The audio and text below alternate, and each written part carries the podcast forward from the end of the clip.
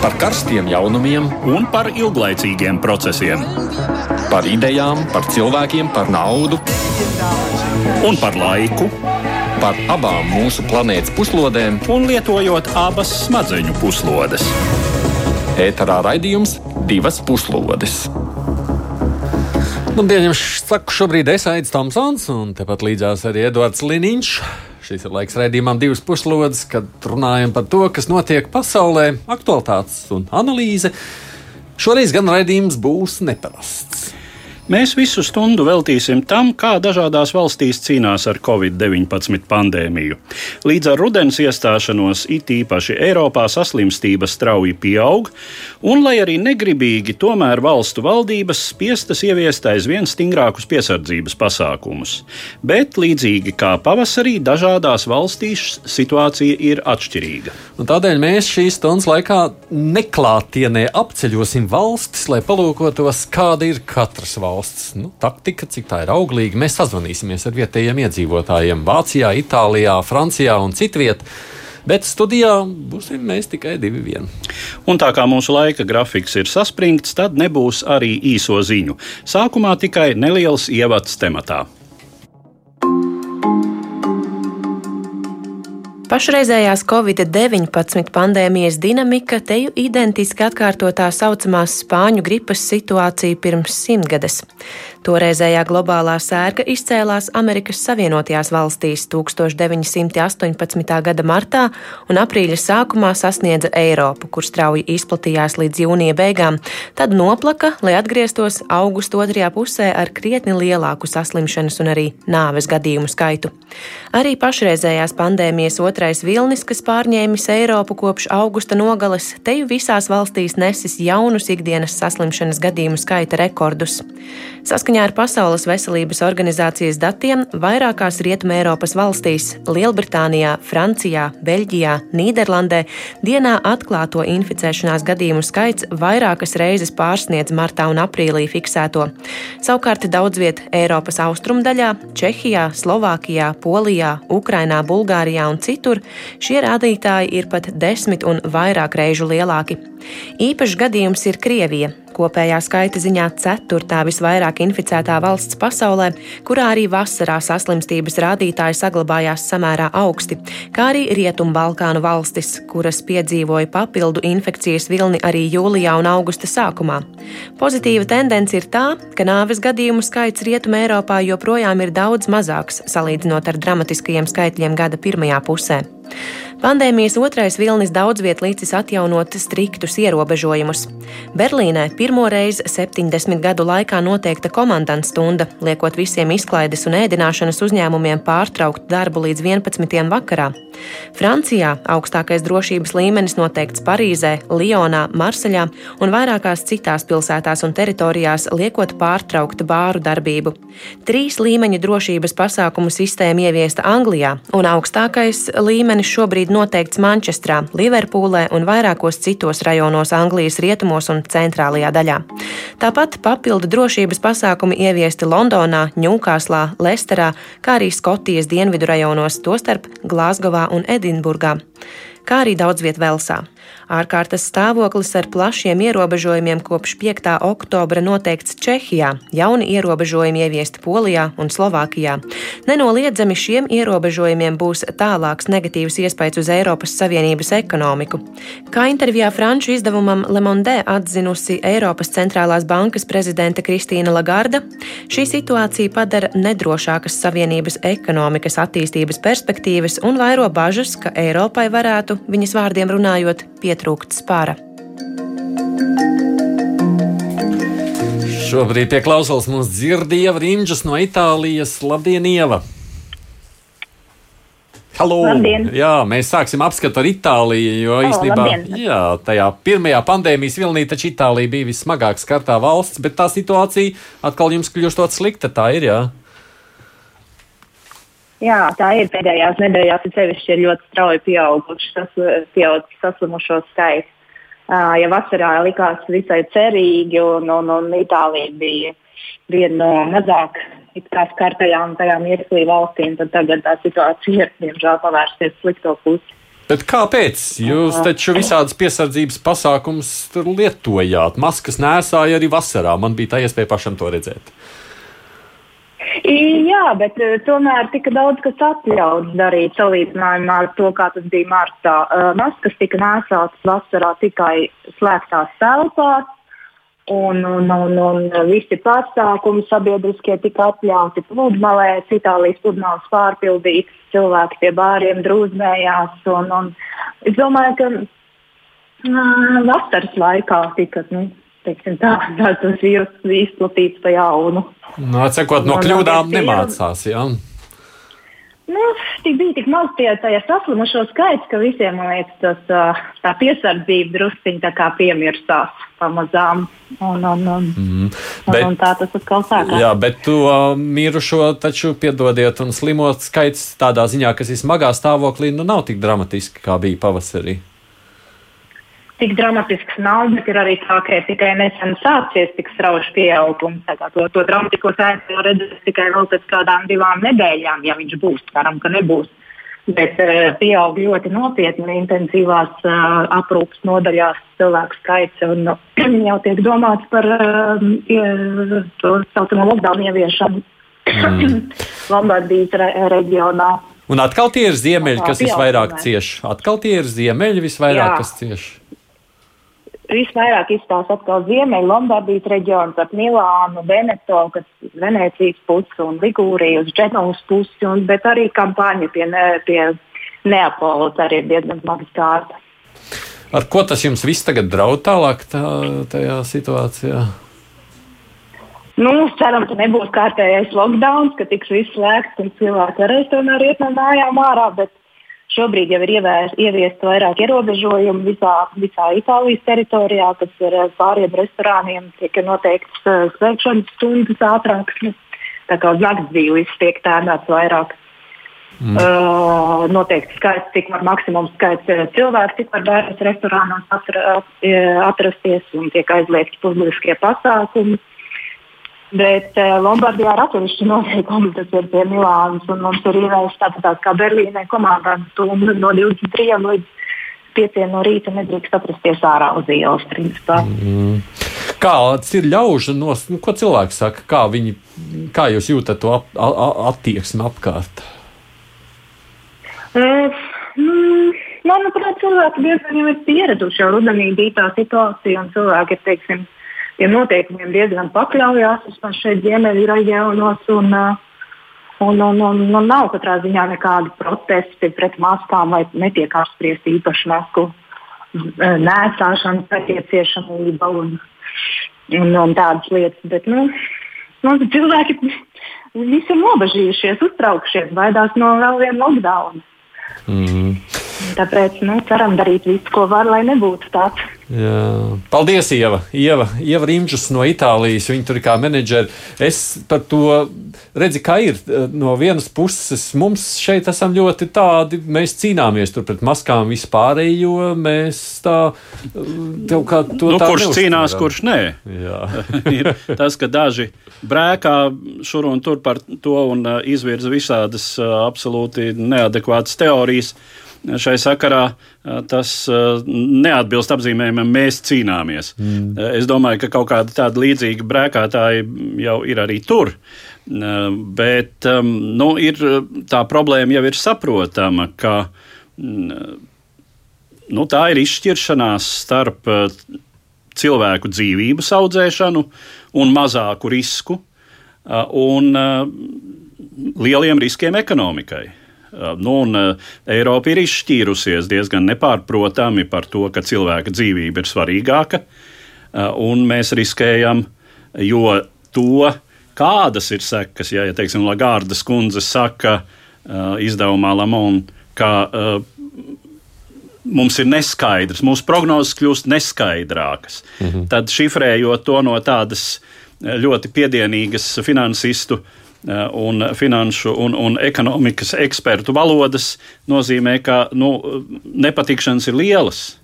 Ja, eh, un, un skaidrs, eh, nu, arī tas cipars, ko viņa sauc, 8% samazinā ekonomiskās aktivitātes samazinājumu. Nu, tie ir milzīgi cipari, un, un tas ir Eiropas līmenī jau salīdzināms visnotaļ ar iepriekšējo krīzi. Mm. Raits mums rakstā, ka visefektīvāk vīrusu ierobežot izdodas tajās valstīs, kur sabiedrība spēj samazināt sociālos kontaktus, un tur ļoti atšķirās tās prasības. Tur Austrija vai Vācijas sejas vairogs ir tikai vai butorija netiek uzskatīts kā Latvijā pat par pieņemamu. Bet par tiem sociālajiem kontaktiem mēs jau, jā, es pieminēju, man bija tā iespēja būt šajā vasarā Itālijā, un tur tiešām, tad, kad pienāca vakara dzīve, tur viss notika, tur ļaužu masas, pludmale pilna, nekāda distancēšanās nenotika. Tāpēc man interesē, kāda situācija savukārt Spānijā, jo mēs tālāk dodamies vēl turpat dienvidu galā.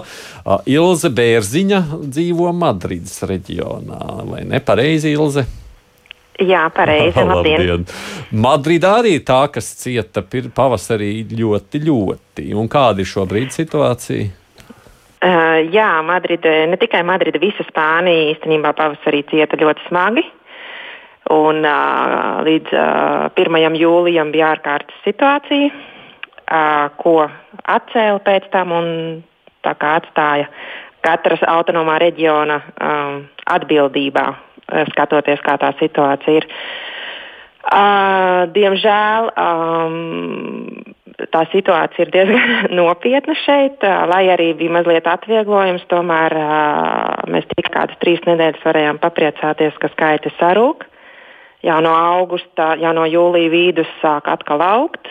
Un, uh, Nu, ja Spānijā ir 43 miljoni iedzīvotāji, tad ziniet, ka ir pār par miljonu inficējušies. Tas nozīmē, ka mēs šobrīd ik viens iedzīvotājs pazīstam kādu diezgan jau tuvā draugu lokā, kurš ir inficējies vai, diemžēl, vai ir nomiris no šīs slimības arī. Un tur, tā, nav tā, tur nav tā kā Latvijā. Apzinā, apzinās situāciju. Tur, tur nav tāda kā Latvijā, kur viena daļa saka, viņi netic tādam vīrusam. E, vairs nav. Nē, ja sākumā varbūt bija šī, šī sajūta, jo tiešām tas bija kaut kā tā. Tu esi ieslēgts, un tu, nu, mēs nedrīkstējām iet uz ielas. Bērni vispār līdz 1. E, jūnijam nedrīkstēja uz ielas iziet divus ar pus mēnešus. Tā kā tas bija tā mazliet likās, kas te notiek, tad šobrīd tiešām apzināmies, ka tas ir nopietni, es piekrītu, es dzirdēju jūs komentāru par Itāliju, par vasaru. Arī Spāņiem ir ļoti grūti ievērot distanci, tas nav viņu mentalitātē. Un uh, vasarā, protams, kad ir karstums pār 45 grādiem ar masku, ir ļoti grūti. Un, uh, tā kā es domāju, tas kaut kādas sekas atstāja. Nu, šobrīd mēs uh, visi, paldies Dievam, bērni var iet uz skolu. Viņiem ir ārkārtīgs uh, režīms. uh, kādā, kād, kad un kā, teiksim, procedūra, kā, kad un kā drīkst iet uz skolu. Visi ir maskās, visu dienu sēž maskās. Viņiem ir noteikti um, um, schēmas, kā skolā ieiet, kā no skolas iziet, tiek mērīts temperatūras, tiek uh, dezinfekcijas līdzekļi visu laiku jālieto, telpas tiek vēdinātas.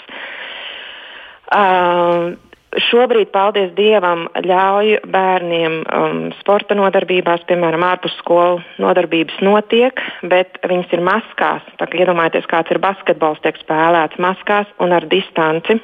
Tā ka tur nav tik daudz tā basketbola spēlēšana, cik vienkārši, ka bērni var kustēties. Un Spānijā to novērtē, jo pēc diviem ar pus mēnešiem, ko pavasarī piedzīvojām, mēs esam priecīgi, ka bērni vispār drīkst skriet vai iet uz ielas. Bet tas palīdz, tas tādā ziņā, tās maskas tomēr palīdz apturēt tās slimības izplatību vai nē. Man viena klausītāja prasa, nu pajautājiet, nu jūs taču tur maskās staigājat, bet nekas labāks nepaliek. E Es domāju, ka šobrīd to ir ļoti grūti pateikt, jo ja visi cilvēki visu laiku valkātu tās maksas simts procenti un, ne, piemēram, restorānā ēdot nenoņemtu nost viņas vai noņemt tikai tik, cik iebāzt to kumos mutē un uzlikt atpakaļ, ja visi tiešām ievērot, tad mēs varētu atbildēt uz šo jautājumu, bet, diemžēl, realitāte jau nav tāda. Visi jau apsēžās pie galdiņa, piemēram, kaut arī ir nu, šeit ir vismaz 50% tikai apmeklējums, drīkst būt telpa aizņemtība, ja? okupācija, mm -hmm, vai kā mhm, saka. Mm -hmm. Un uh, ar visu to, kad mēra temperatūras un, un, un uh, nodezinficē visu, un tā nu, tomēr apsēžās uh, seši cilvēki, kas nedzīvo vienā ģimenē. Mums ir uh, maksimums seši cilvēki, drīkst būt kopā, jā, jā. ja pulcēties. Seši cilvēki, nu, ja viņi ir draugi, kas nākuši, kas pa dienu ir bijuši skolā vai universitātē un to masku ir tikai uzlikuši uz mutes, nu, pēc tam viņi tur ir apsēdušies salu dzert divas stundas. Nu, Grūti mm. pateikt. Jā. Es saku paldies mums uh, par šo sarunu. Ilis Bērziņš no Spānijas, kur mēs sazvanījām. Man liekas, tā varētu arī būt šīs iemesls, kāpēc Dienvidu zemēs tik ļoti mēs jūtam to grūto cīņu ar šo vīrusu, ka viņiem, viņiem, viņiem, viņiem grūti ir tīri fiziski fi distancēties. Viņi vienkārši pieraduši visi būt kopā. Nu, tas varētu būt viens iemesls. Droši vien uh, ir arī klimatiski, un tas, kas arī ir dzirdēts par šo zemju uh, vecumu struktūru zināmā mērā, bet uh, nu, grūti komentēt visas tās nianses. Vēl, vēl viena lieta, kas arī jāsaprot, runājot par kaut kādu situācijas novērtējumu. Tātad eh, maskas valkā un nav labāk vai tam līdzīgi. Nu, jā, tas, ko mums klausītāji bieži raksta. Eh, te, te jau ir jāņem vērā, un, un tas eh, man tā ļoti skaidri arī iekrita prātā, lasot mazliet par iepriekšējo simt, pirms simts gadiem notikušo spāņu gripas pandēmiju, eh, kur tās līdzības ir ļoti lielas eh, ar šī brīža situāciju, eh, tad vīruss jau arī mutē. Un, un tur, teiksim, tajā otrajā vilnī bija pavisam citāda saslimušo struktūra. Ja pirmajā vilnī ķēra pamatā tiešām vecos un vārgos, tad toreiz otrajā vilnī šis vīrus skāra un arī letāli ļoti daudzus jaunus, spēcīgus cilvēkus. Tad acīm redzot, bija kļuvis uh, stiprāks un grūtāk pārvarāms arī jaunu un spēcīgu cilvēka imūnsistēmai. Mm. Uh, nu, tā kā mm, ar to rezultātu novērtēšanu un secinājumiem, kā ir pareizi vai nav pareizi, uh, nu, pareizi ir darīt visu iespējamo. Jā, jā. Mēs jau redzam, savukārt, ja runājam par tādām Eiropas valstīm, kas nu, ir dienvidos vai ziemeļos, mēs sakām, jā, medicīna vismaz tur nāk talkā. Mēs šobrīd savukārt esam viena no Eiropas valstīm sazvanījuši, kas nav Eiropas Savienības dalība valsts, un kurā, protams, medicīna nav tādā līmenī, kā mēs varētu runāt par Rietumu Eiropu, tā ir Ukraina. Mums ir šobrīd Aleksis Babuškins no Kijevas. Labdien, Aleksi! Labdien! Labdien. No Kievas. Es saprotu, ka arī Ukrainā situācija ar koronavīrusu ir krietni sarežģītāka vēl nekā bija pavasarī, vai ne tā? Nu, Ukrainā ir tieši tāpat kā visā citā pasaulē, e, stabili pasliktinās tā situācija. Tāpēc viņi nav nekāda citāda valsts kā citas, tāpēc e, viss tas pats notiek statistiski, kas uh, visur citur. Jā, un kāda ir ļaužu attieksme, jeb noskaņojums pret šo Ukrainā? Nu, cilvēki, cilvēki grib strādāt, cilvēki man šķiet, ka viņi diezgan nenopietni pret to attiecās. Kaut gan šeit ir daudz striktāk nekā Latvijā un Eiropā iespējams. Nu, dažās vietās, teiksim, mums jau gan no pirmā tā sauktā viņa līdz šim brīdim veikalā nevar iet bez maskas. Sporta zāles nosacīti nesen atklāja, bet sporta zālē arī tā kā daļēji vai ne, tur iekšā pie recepcijas, tur obligāti jābūt maskā. Bet iekšā jau visi kopā trenējās bez maskām. Kaut gan tur trenižera zālēs ir tā, ka ir sadalīts par tiem diviem metriem, tur, kur tie skrejceļi. Nu, bet uh, attieksme tāda, ka cilvēki ir noguruši no tā visa. Tā kā varbūt iespējams arī pielāgojušies psiholoģiski, bet tas, es domāju, nav sevišķi pareizi, ka, ka, ka tā nenopietni to uzskata. Mm. Un savukārt, un, ja, runā, ja runā par cipariem, tad, tad pēdējais, ko es dzirdēju, parādīja tas, ka uh, mums aptuveni Ukrainā ir ap uh, 60 tūkstoši laikam saslimušie, Kievā ir 6000, 5, 6. Nē, precīzāk tā ir 500 uh, Kievā, 5000 Ukrainā. Mm. Un šo, šodien ir 7, 7, 7 tūkstoši laikam. Skaitlis, jā. Un, Ka, kas ar, ka, un arī pieaugošs skaitlis. Vai ne? Pieaugošs skaitlis ar vien vairāk sasniegts. Pieaugošs skaitlis, jā, un, un runa ir par to, ka aizies līdz desmit, tad jau būšot kaut kādas no valdības jauni, e, kaut kā, ne, neviens nezinu, kas būs, bet tad kaut kādas būs izmaiņas. Mm. Nu, jums jau arī medicīniskā, cik ir medicīna gatava visam šim, jo mēs Latvijā esam daudz par to runājuši. Kā ir Ukrainā? Uh, Šī sakarā jau tas arī teica, ka viņi uzskata, ka medicīna tagad ir ši, šiem datiem ir ap 80% ir jau tā kapacitāte aizņemta. Un jāaizies līdz tiem 10, tūkstošiem, tad, tad būs kaut kas jādomā, jo medicīna vairs netiks galā, kā viņi to saka. Mm. Tad es esmu daudz dažādu gadījumu dzirdējis, kur, kur īstenībā tā, ka pat nu, Kievā daudz maz normāli, bet tas, kas ir Ukrainā, tur nu, ir, ir, ir bijis tā, ka tu vispār neņem pretī, kamēr cilvēks pat ir letāli beigas, ka baidās no tiem cilvēkiem. Tas bija kaut kāds pāris mēnešus atpakaļ, konkrēts gadījums televizorā stāstā. Paldies, Aleks! Jūs iezīmējat tādu ainu mums, Aleks Babuškins no Ukrainas, Kievas. Man Ukraina mazliet liekas, nu, mums varētu būt emocionāli saprotamāk padomju cilvēkam, vai ne? To attieksmi sajūtu. Jā, nu, tik tālu, ka varbūt uh, nav iestrādāta respekta un uzticēšanās valsts varai, ka tie tur augšā kaut ko visu laiku, piedodiet par izteicienu, muhļī, un kā uz viņiem var arī īpaši neklausīties. Eh, tas eh, varētu būt līdzīgi. Um, nu, es domāju, ka tagad arī Ukraina ir, ir, ir tā specifiskā situācija, ka tā pretstāve uh, valsts varai un sabiedrībai tur vairāk kārt ir nonākusi līdz, mhm. uh, līdz ļoti dramatiskiem notikumiem, un arī salīdzinoši nesen. Un arī tas pēdējo vēlēšanu rezultāts kad arī es pats biju Kijevā un tur to vēroju. Un, nu, tā izjūta zināmā mērā bija tāda, ka šajā gadījumā ievēlot prezidentu Zelenski un faktiski atdodot viņam un viņa partijai no visu varu valstī teikt, ko vispār varēja atdot. Nu, tas arī bija drusku tāds maidāns tikai pie vēlēšanu urnām. Tā kā Ukraina, protams, ir, ir zināmā mērā specifiska valsts, bet nu, problēmas ir tās pašas, pie kam nu, Ukrainas gadījumā uh, Eh, tā jau ir, eh, tā jau ir traumēta ekonomika. Eh, kura, kura smagi ir cietusi mm, arī valsts kopumā no Krievijas agresijas, no šī nepieteiktā kara situācijas. Pēdējos uh, trīs, četrus gadus Ukrainas ekonomika uzrādīja pozitīvu tendenci, augšanas tendenci.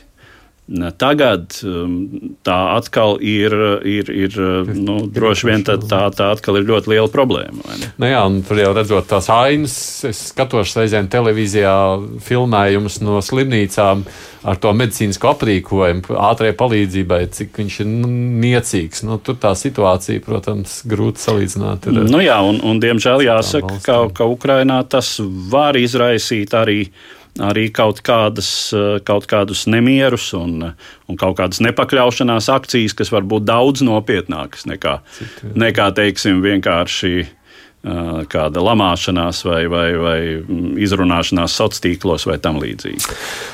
Nu, labi. Dosimies tūlītās pēc pāris sekundēm uz Franciju. Divas puslodes! Francija savukārt ir tā, kur laikam ir šobrīd numur viens Eiropā ar saslimušo skaitu ziņā. Un, nu, tas, kas bija savulaik pavasarī redzams Itālijā un Spānijā, to mēs šobrīd redzam Francijā. Asnāts Sīman ir pie tālruņa numura. Asnāt, vai man ir taisnība? Um, Godīgi skoties, es pat uh, ne, neesmu precīzi informēta par to, vai. Vai, vai mēs esam tieši pirmajā vietā, bet jau tur arī ir dažādi rādītāji uz pret iedzīvotāju skaits un, um, un tam līdzīgi. Tam līdzīgi. Bet jūs jūtat, bet jūs jūtat Covid. Liels, bet jūs jūtat jā. Covid. Jā. jā, nu mēs viņu jūtam jau, jau ilgāku laiku un, un arī no tāda viedokļa jau varbūt arī esam. Um, vairāk ar viņu sadzīvojuši un pieraduši. Un, un tāda ir arī valsts uh, stratēģija vismaz līdz šim, ka Protams, ir jāievēro visi uh, distancēšanās un drošības pasākumi, un tā skaitā šeit jau teiksim, uh, nesāt masku ir tiešām kļuvis uh, tikpat ikdienišķi, kā Latvijā nesāt uh, cimdus vai cepuri. Un, um, bet tā, tā, tas, uh, tā, tā, tas virziens ir tāds, ka. Um, darīt visu piesardzīgi, bet uh, mēģināt sadzīvot ar vīrusu. Nu, šobrīd jau pēdējo nedēļu izskatās, ka diemžēl šī stratēģija vairs nepietiek un ir, ir vajadzīgi arī papildus uh, citi ierobežojumi un līdzekļi, lai, uh, lai tomēr to teiksim, straujo attīstību samazinātu, jo tas, protams, ir milzīgs sloks uzreiz slimnīcām. Nu, jūs esat viena no tiem, kuriem laikam komandas stunda arī tiek ieviesta šobrīd. Jā, tieši tā. No pagājušās sestdienas uh, vairākās lielajās uh, pilsētās un metropol, metropolēs, šo pilsētu aglomerācijās ir uh, ieviesta komandanta stunda. Es pati dzīvoju uh, Francijas dienvidos pilsētā, ko sauc Ārla, kas ir aptuveni stundas braucienā no Marseļas. Man uh, nezinu, vai jāsaka paveicies vai, vai kā, bet uh, mūsu pilsētā šī komandas stundas mums neatiecas, lai arī mēs esam tiešām netālu no Marseļas un, un Marseļas uh, attālumā tādā pašā radījumā ir citas mūsu izmēra pilsētas, kur arī ir komandanta stunda. Jo Marseļa, piemēram, ir pēdējā laikā viena no, jā, diemžēl, vietām, kur vīruss ir ļoti, ļoti uzliesmojis. Tā kā jā, tā ir realitāte, un pagaidām komandanta stunda ir no 9 vakarā līdz uh, 6 no rīta. Un, uh, un šo pēcpusdienu mūsu Francijas premjerministrs un veselības ministrs atkal uh, izteiksies uh, 5 pēcpusdienā un visticamāk uh, dos arī vēl citas norādījumus, droši vien pievienos citas pilsētas šai komandas stundai. Iespējams, komandas stunda sāksies agrāk, to mēs vēl nezinām. Vai kā jūs raksturotu savu un ļaužu apkārtējo attieksmi par šo visu? Nu, man jāsaka, godīgi, ka teiksim, vasarā uh, tiešām cilvēku attieksme bija viegliprātīga. Es domāju, ka stipri pār, pārlieku viegliprātīga. Un, un teiksim, šajā zonā, kur dzīvoju, šī, protams, ir ļoti turistu iemīļot zonu, un vispār Francija, protams, ir uh, turistu ļoti iemīļot valsts, un tāpēc arī uh, tur bija tās uh, šķēres starp uh, ekonomiku un, un um, veselības sistēmu, lai, uh, lai mēģinātu kaut, tās, kaut, kaut kā to samērot, un tomēr, lai teiksim, visa, visa šī te turisma industrija pilnībā nesabruktu, tomēr bija iespēja arī, arī ceļot, un bija arī ārzemju viesi, bet kopumā es teiktu, jā, ka vasarā katrā ziņā cilvēku attieksme ir tiešām pār, pārlieku viegli prātīga. Tas īpaši teiksim, jaunu cilvēku vidū, kuriem, protams, liekas, ka uz viņiem tas sevišķi neatiecas un ka, ja arī viņi saslimst, tad tas uh, nekas uh, pārāk. Um, Traumējoši nebūtu, tad uh, es domāju, ka tagad atkal ir tā, ka vispār vasara ir pagājusi, ir iestājies rudens, un ir arī skaidrs tas, ka nu, šī vasaras attieksme tagad uh, lielā mērā atmaksājas. Un, uh, Nu, diemžēl tagad būs eh, ļoti nopietni jā, jā, jāpiegriež jostas un, un, un jāsaņemās, lai, lai vispār šo situāciju atkal vērstu uz, uz labāku pusi. Bet jūs teikt, ka tā attieksme tagad ir mainījusies? Es teiktu, ka uh, arī uh, valdības uh, tonis un izteiktie nosacījumi un visi paziņojumi ir mainījušies uz tādu daudz kategoriskāku un daudz nopietnāku virzienu ar, ar skaidru norādījumu par to, ka situācija ir ļoti, uz, ļoti nopietna un, un ka tagad tiešām ir pēdējais brīdis, lai, lai attieksme kļūtu um, arī nopietna pret uh, šo situāciju tādai, kā, kā tai vajadzētu būt. Un sakarā ar to, es domāju, cilvēkiem atgriežas arī tās tomēr uh, vairāk bailes un vairāk izpratni par to, ka Nu, ja godīgi, tad šeit tā sajūta ir tāda, ka arī mēs drīz varētu pēkšņi atkal nokļūt tādā pašā uh, karantīnas stāvoklī, kā mēs šeit dzīvojām, uh, kā mēs šeit dzīvojām divus mēnešus kopš um, marta vidus, jo toreiz mhm. arī tas pienāca diezgan strauji un, un negaidīti. Un tagad ir jūtams, ka teiksim, valdības, uh, valdības izteikumos ir, nu, ir jūtams ir liels satraukums. Un,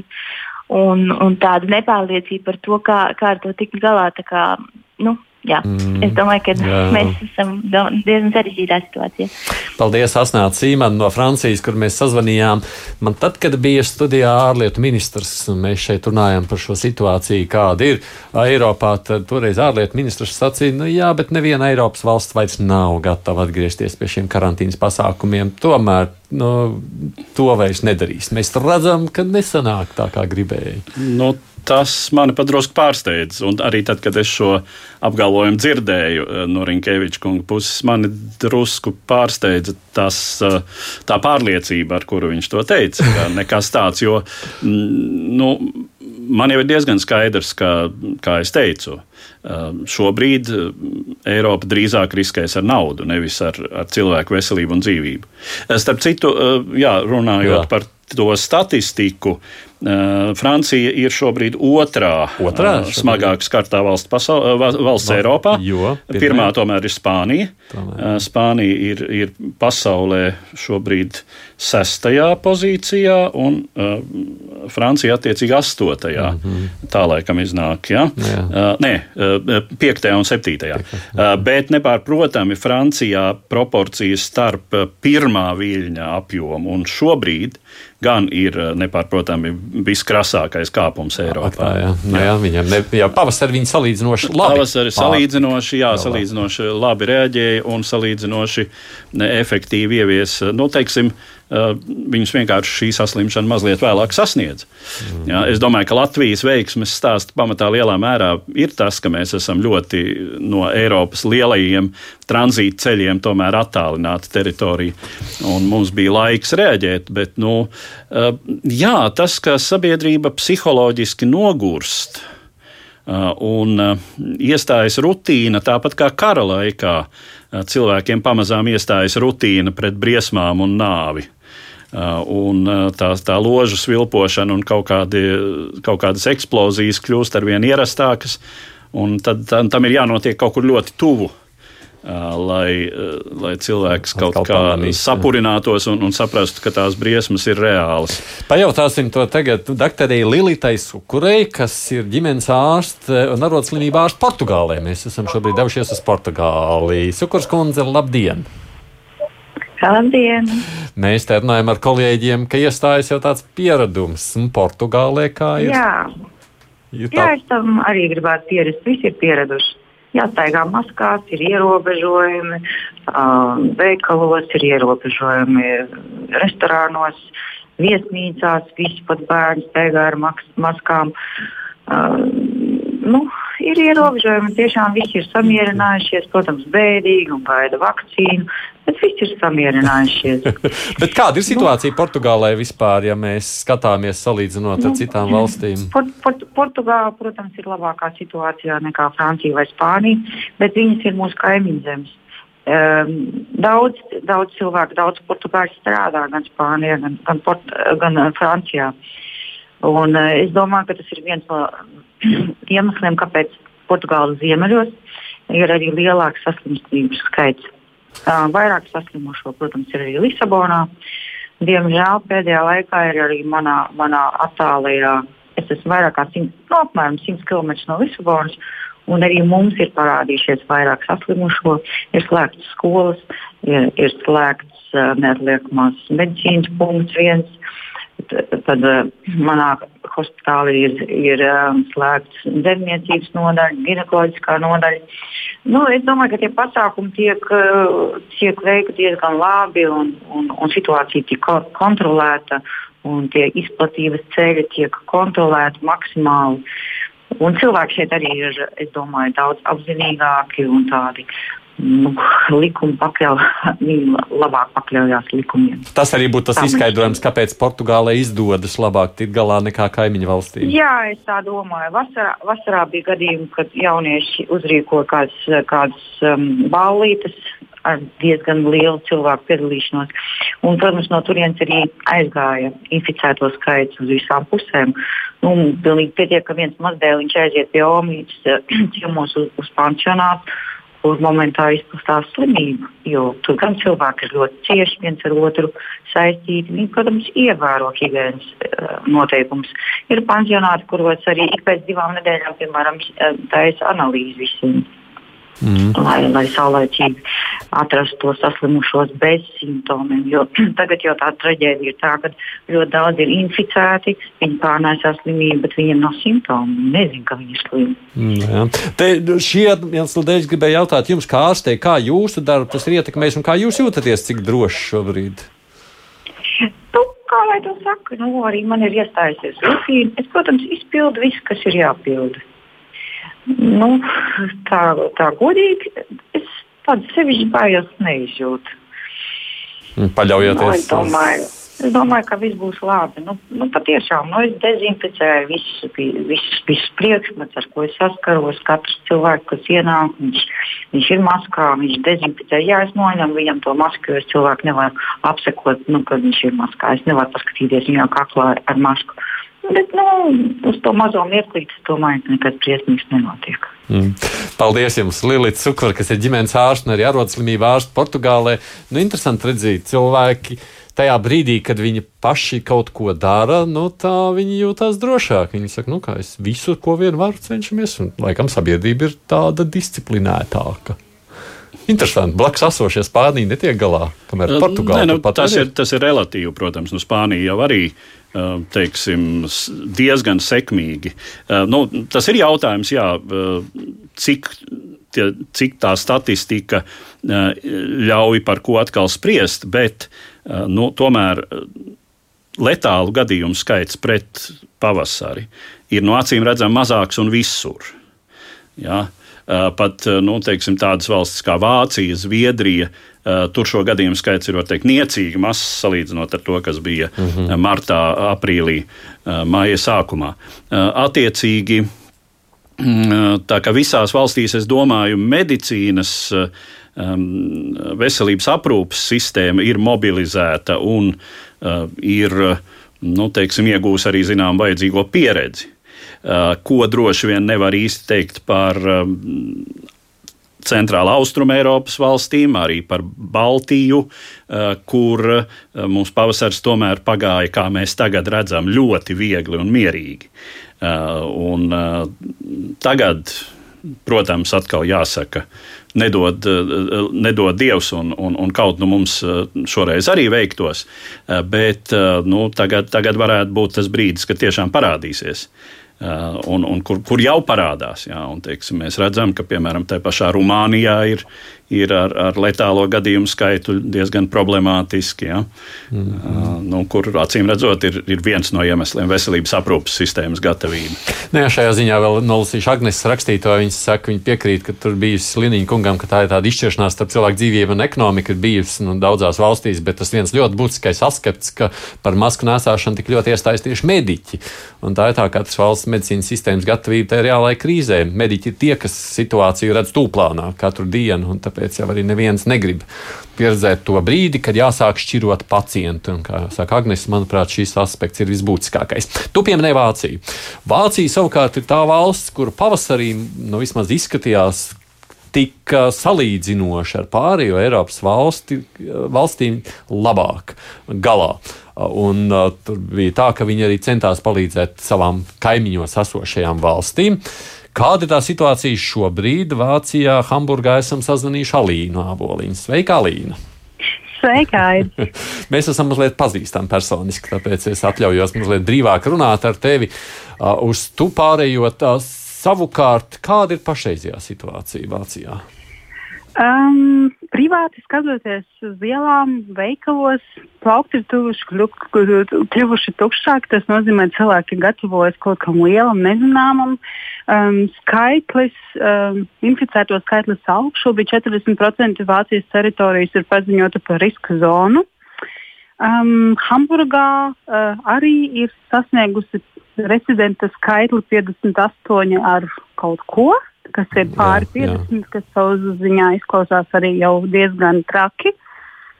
Jā, uh, jā lielākā daļa Vācijas ir uh, diezgan sarkanos skaitļos, ja skatās uz diagrammām. Šodien mums bija arī presa no Roberta Kocha institūta. Uh, preses ziņojums par uh, vispārējo situāciju Vācijā, jo šobi, šodien tika paziņots infekcijas skaits, kas pārsniedz 11,000, kas ir salīdzinoši pirms nedēļas diezgan audzis. audzis. Mm -hmm, mm -hmm. un, uh, jā, nu, šobrīd ir kā ir. Jā, tos papīrs ir pazudis, makaroni ir pazuduši, cilvēki gatavojas. Uh, tiešām cilvēki izpērk produktus, jā? Jā, jā, jā, tas tiešām ir novērojams. Man mazliet nācās minēt, jo man liekas, ka tas ir tikai komunistiskām valstīm raksturīgs, bet arī Vācijā, diemžēl, šis fenomens ir novērojams. Toks papīrs ir izpirkts, oh. Ra rauks ir izpirkts, makaroni ir izpirkti var just, ka cilvēkos ir trauksme, cilvēki ir satraukušies, visi gaida, kad būs uh, uh, infunk, uh, nu, tā saucamā pote. Aha, jā, jā, vakcīna. Um, jā, paldies. Mm. Un, uh, līdz ar to visi gaida, kas notiek. Bet Vācija savukārt tādā publiskajā telpā startautiskajā parādījusies ar savām protesta akcijām Berlīnē, rīkojot, kurā cilvēki cīnās pret visiem ierobežojumiem, saka, maskām nē, mūsu brīvība ierobežo, vai šī kustība ir tā kā mazliet noplakusi? Um, grūti par to ir šobrīd spriest. Es zinu, ka arī privāts, privātajā darba laukā, kur strādā, ir arī daži kolēģi viedoklis par to stipri mainījies. Ja viņi pirms pusgada vēl bija pret to, tad šobrīd jau jūtama tā kā mazliet nogurums, kad jau gribās līdzskriet un arī protestēt pret visu. Uh, grūti spriest. Es pat īsti nemācētu pateikt. Protams, ka mums ir kaut kādi izņēmumi, kuri vienmēr kaut kur kaut kādā veidā izmantos. Vai nu tas saucamais šlāgerdziedātājs Mihails Vendlers, kuru patiesībā diezgan daudz, nu, liela daļa tautas pazīst. Protams, ka tādi saucieni mazliet mūsina un um, grūti tā īsti mm -hmm. saprast, kas, viņus, kas ir viņu motīvu vadīts. Um, Bet, nu, var sakot, vācieši šobrīd gatavojās nopietnākai cīņai ar karu. Jā, jā noteikti, noteikti. Paldies, Alīna. Alīna Aboliņa no Hamburgas. Man tas veikala izpirkšana atgādināja pavasarī. Izrādās, ka tu tikai tagad sāki izpirkt veikals. nu, neatceros, jā, kā bija Vācijā pavasarī, bet nu, to, to mēs atceramies, ka bija šī, bija šī nu, var teikt, zināmā mērā histērija um, dažu produktu un preču sakarā. Eh, kamēr nebija skaidrs, vai eh, būs brīva transporta kustība. Eh, un, nu, tagad ir skaidrs, ka droši vien tas nu, ir mm, tas, kas neapstāsies praktiski nekādos apstākļos, ka teiksim, preču kustība notiks pāri robežām, mm -hmm. lai kāda arī būtu situācija. Uh, un, uh, nu, es, es kā, man negribētos domāt, ka Latvijā varētu sākties kaut kāda tāda nu, ļoti masveidīga. Es pieļauju, ka daudz jau gan ir kaut ko, kādus krājumus ir uh, iegādājušies. Un... Pagaidām neredzu šo aspektu kā tādu, bet nu, Vācija bija tā, kas pavasarī tā diezgan konsekventi īstenoja ļoti aktīvu testēšanu. Starp citu, mums Raits raksta, ka šobrīd arī Vācijā testē ne tikai vīrusu klātbūtni, bet arī infekciozitātes pakāpi, proti, cik tas ir koncentrēts un izdalās apkārtnē.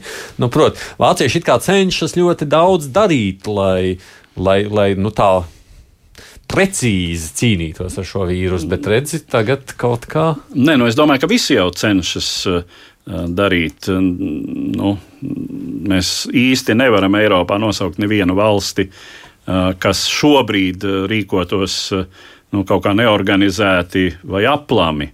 Nu, bija jautājums par Zviedriju. Mums, diemžēl, neizdevās uz šodienu saorganizēt nevienu sarunu biedru no Zviedrijas. Lai gan, nu, runājot par Zviedriju un paskatoties atkal uz tiem rādītājiem, kas ir Pasaules vesel, veselības organizācijas mājaslapā, tad nu, ir tā, jā, ka Zviedrijā inficēšanās skaitlis ir mazāks. Ja, faktiski vienīgā te no, no Eiropas valstīm, kur tas otrais vilnis ir mazāks nekā tas bija eh, pirmajā, eh, pirmajā reizē. Bet nu, arī jāsaka, te, te nu, ir, ir grūti spriest, un vienalga tie saslimstības rādītāji ir diezgan nu, augsti. Nu, viņiem jau nav tā, ka viņiem nav piesardzības pasākumu, viņiem diezgan līdzīgi kā Latvijā varētu sacīt nu, šobrīd. Jā, tā, jau, to, jau mēs arī, mums, to jau mēs arī konstatējām. Toreiz, jā. Bet ejam, mēs vēl gribam Beļģiju, tāpēc, ka mēs esam sazvanījuši Līva Bogdanu. Ivanova no Beļģijas dzīvo netālu no Briseles, vai ne? Labdien, Līva! Steiki. Beļģija savukārt. Negluži no Briseles, bet netālu. Netālu no Briseles, jā. Bet Beļģija tieši vakar, aizvakar parādījās visās starptautiskajos medijos, ka jums situācija paliek ļoti kritiska. Tā ir? Jā, diemžēl um, mums ir dramatiski pasliktinājusies situācija. Viņa pat ir sliktāka nekā martā. Un kāpēc? Um, tas jā, var tikai minēt, kāpēc. Jo vasarā mums vēl bija diezgan strikti ierobežojumi. Es domāju, ka tas varētu būt vienkārši minējums, ka sākot ar septembri, kad sākās skolas, sākās universitātes, kad tad cilvēki bišķi vieglprātīgāk attiecās pret šiem noteikumiem. Tādēļ mēs esam sasnieguši kārtējo kritisko kritienu diezgan dziļā grāvī. Un ko ļaudis paši saka, tās ziņas, kā sasniedz, jo tas sakot, jeb apgalvojot, ka tūlītās mediķi netiks galā ar šo situāciju, tomēr ir satraucoši. Uh, es domāju, ka patreiz cilvēki saprot situācijas nopietnību. Arī mēdīji ļoti aktīvi informē sabiedrību. Ir tik daudz reportāžu par situāciju, ka tu redzi realitāti, kā mediķi strādā intensīvajās nodaļās. Tev tomēr tu, tu aptver tā ir realitāte. Un jebkurš cilvēks var tur nonākt, jo vīrusu nedala, nešķiro nevienu. jebkurš var to dabūt. Mm. Un ka kopumā tos visus not, noteikumus cilvēki labprātīgi arī pieņem un akceptē.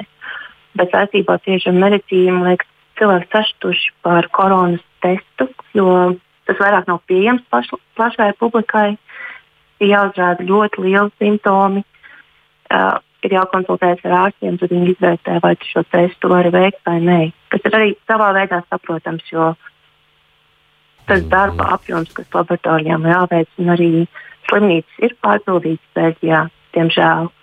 Un tagad tiek runāts par jaunu nodaļu izveidi vai dažu nodaļu slēgšanu un pārveidošanu par Covid nodaļām, kā arī tiek runāts ar Vācijas pierobežu slimnīcām, vai viņi ir gatavi uzņemt pacientus no Bēļģijas.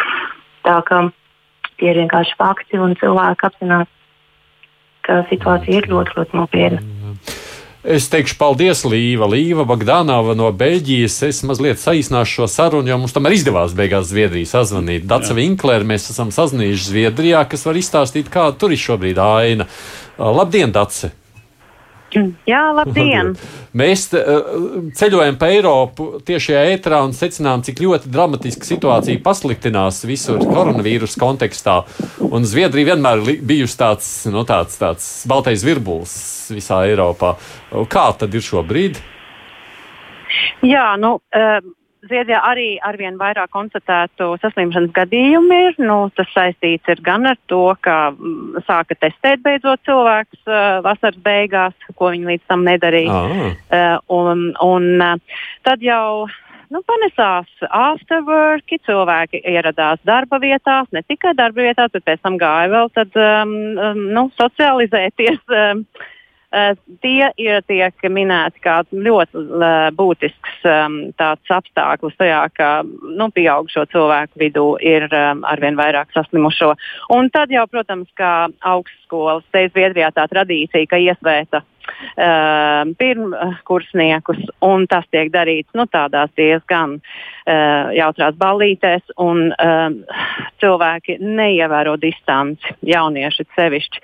Upsala, piemēram, bija uh, pat pirms Stokholmas reģiona, reģions, kas uh, tika um, uh, izcelts kā riska um, reģions, un tagad Stokholma, Upsala un vēl vismaz divi reģioni ir augstas um, bīstamības, nu tāds vai ne paaugstināt riska uh, um, reģioni, un vairākas valsts ir ieviesušas karantīnu, uh, ja brauc no šiem reģioniem, piemēram, Vācija. Mēs te patreiz darbā risinām problēmas, jo mūsu kolēģi no Vācijas, viņiem jārodas ar atpakaļ. Viņiem ir vai nu tad jātestējas vai uh, jāsēž karantīnā mm. divas nedēļas. Tā kā uh, gadījumi ir vairāk, no aptuveni pār 80 uz 100 tūkstoši. Tātad nu, tā kā nav jau tik dramatiski, jo tas kāpums ir no diezgan zema līmeņa, kāds bija vasarā. Uh, mirušo skaits, uh, protams, ka sen jau, sen jau, jau pavasarī, vasarā samazinājās no tiem dramatiskiem uh, skaitļiem, kas ir no aptuveni 6000 mirušo, kā, kā bija tā uh, aptuveni ir.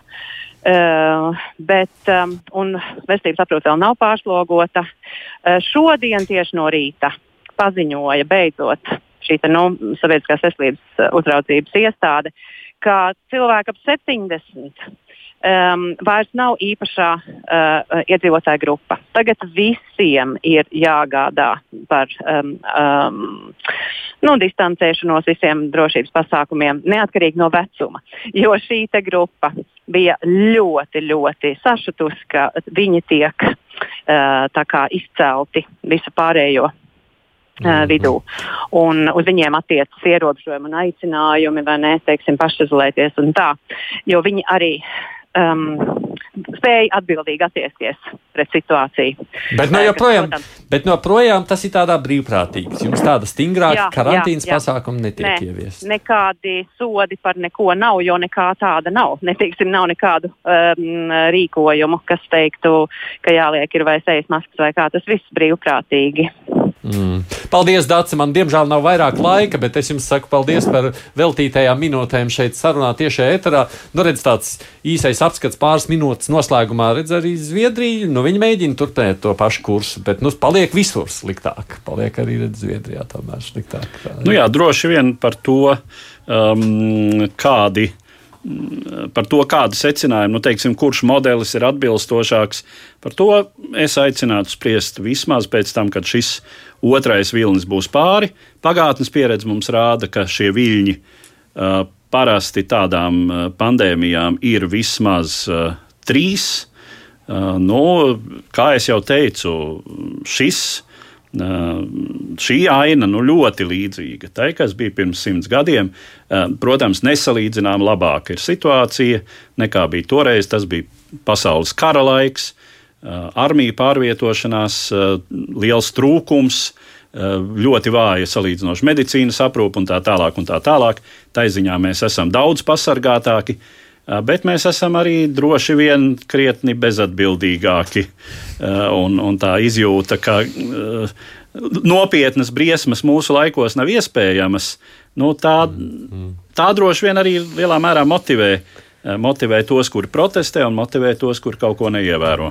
Es pabeigšu vēl ar pāris vēstulēm, arī kuras mums las, klausās no citām vietām. Interno saka, ka viņi dzīvo pašos Vācijas dienvidos un var viennozīmīgi piekrist tam, ka vācieši ir ārkārtīgi disciplinēti. Nepārspīlēšu, jo teikšu, ka veikalos un sabiedriskajā transportā neesmu nevienu cilvēku redzējis bez maskas nu, par protestētājiem saka, šī kustība arī tur norimst. Un no Amsterdamas karīs mums savukārt raksts saka, ka arī šeit ir kritiska situācija. Vakar ziņās redzēja atkal tos jaunos inficējušos, atliekas operācijas, mums ir ārstēšanās, mums ir milzīgs pieplūdums arī ar covid slimniekiem, bet taisnība visi lieto gandrīz visur maskas un nekādu pretenziju no ļaudīm šobrīd nav.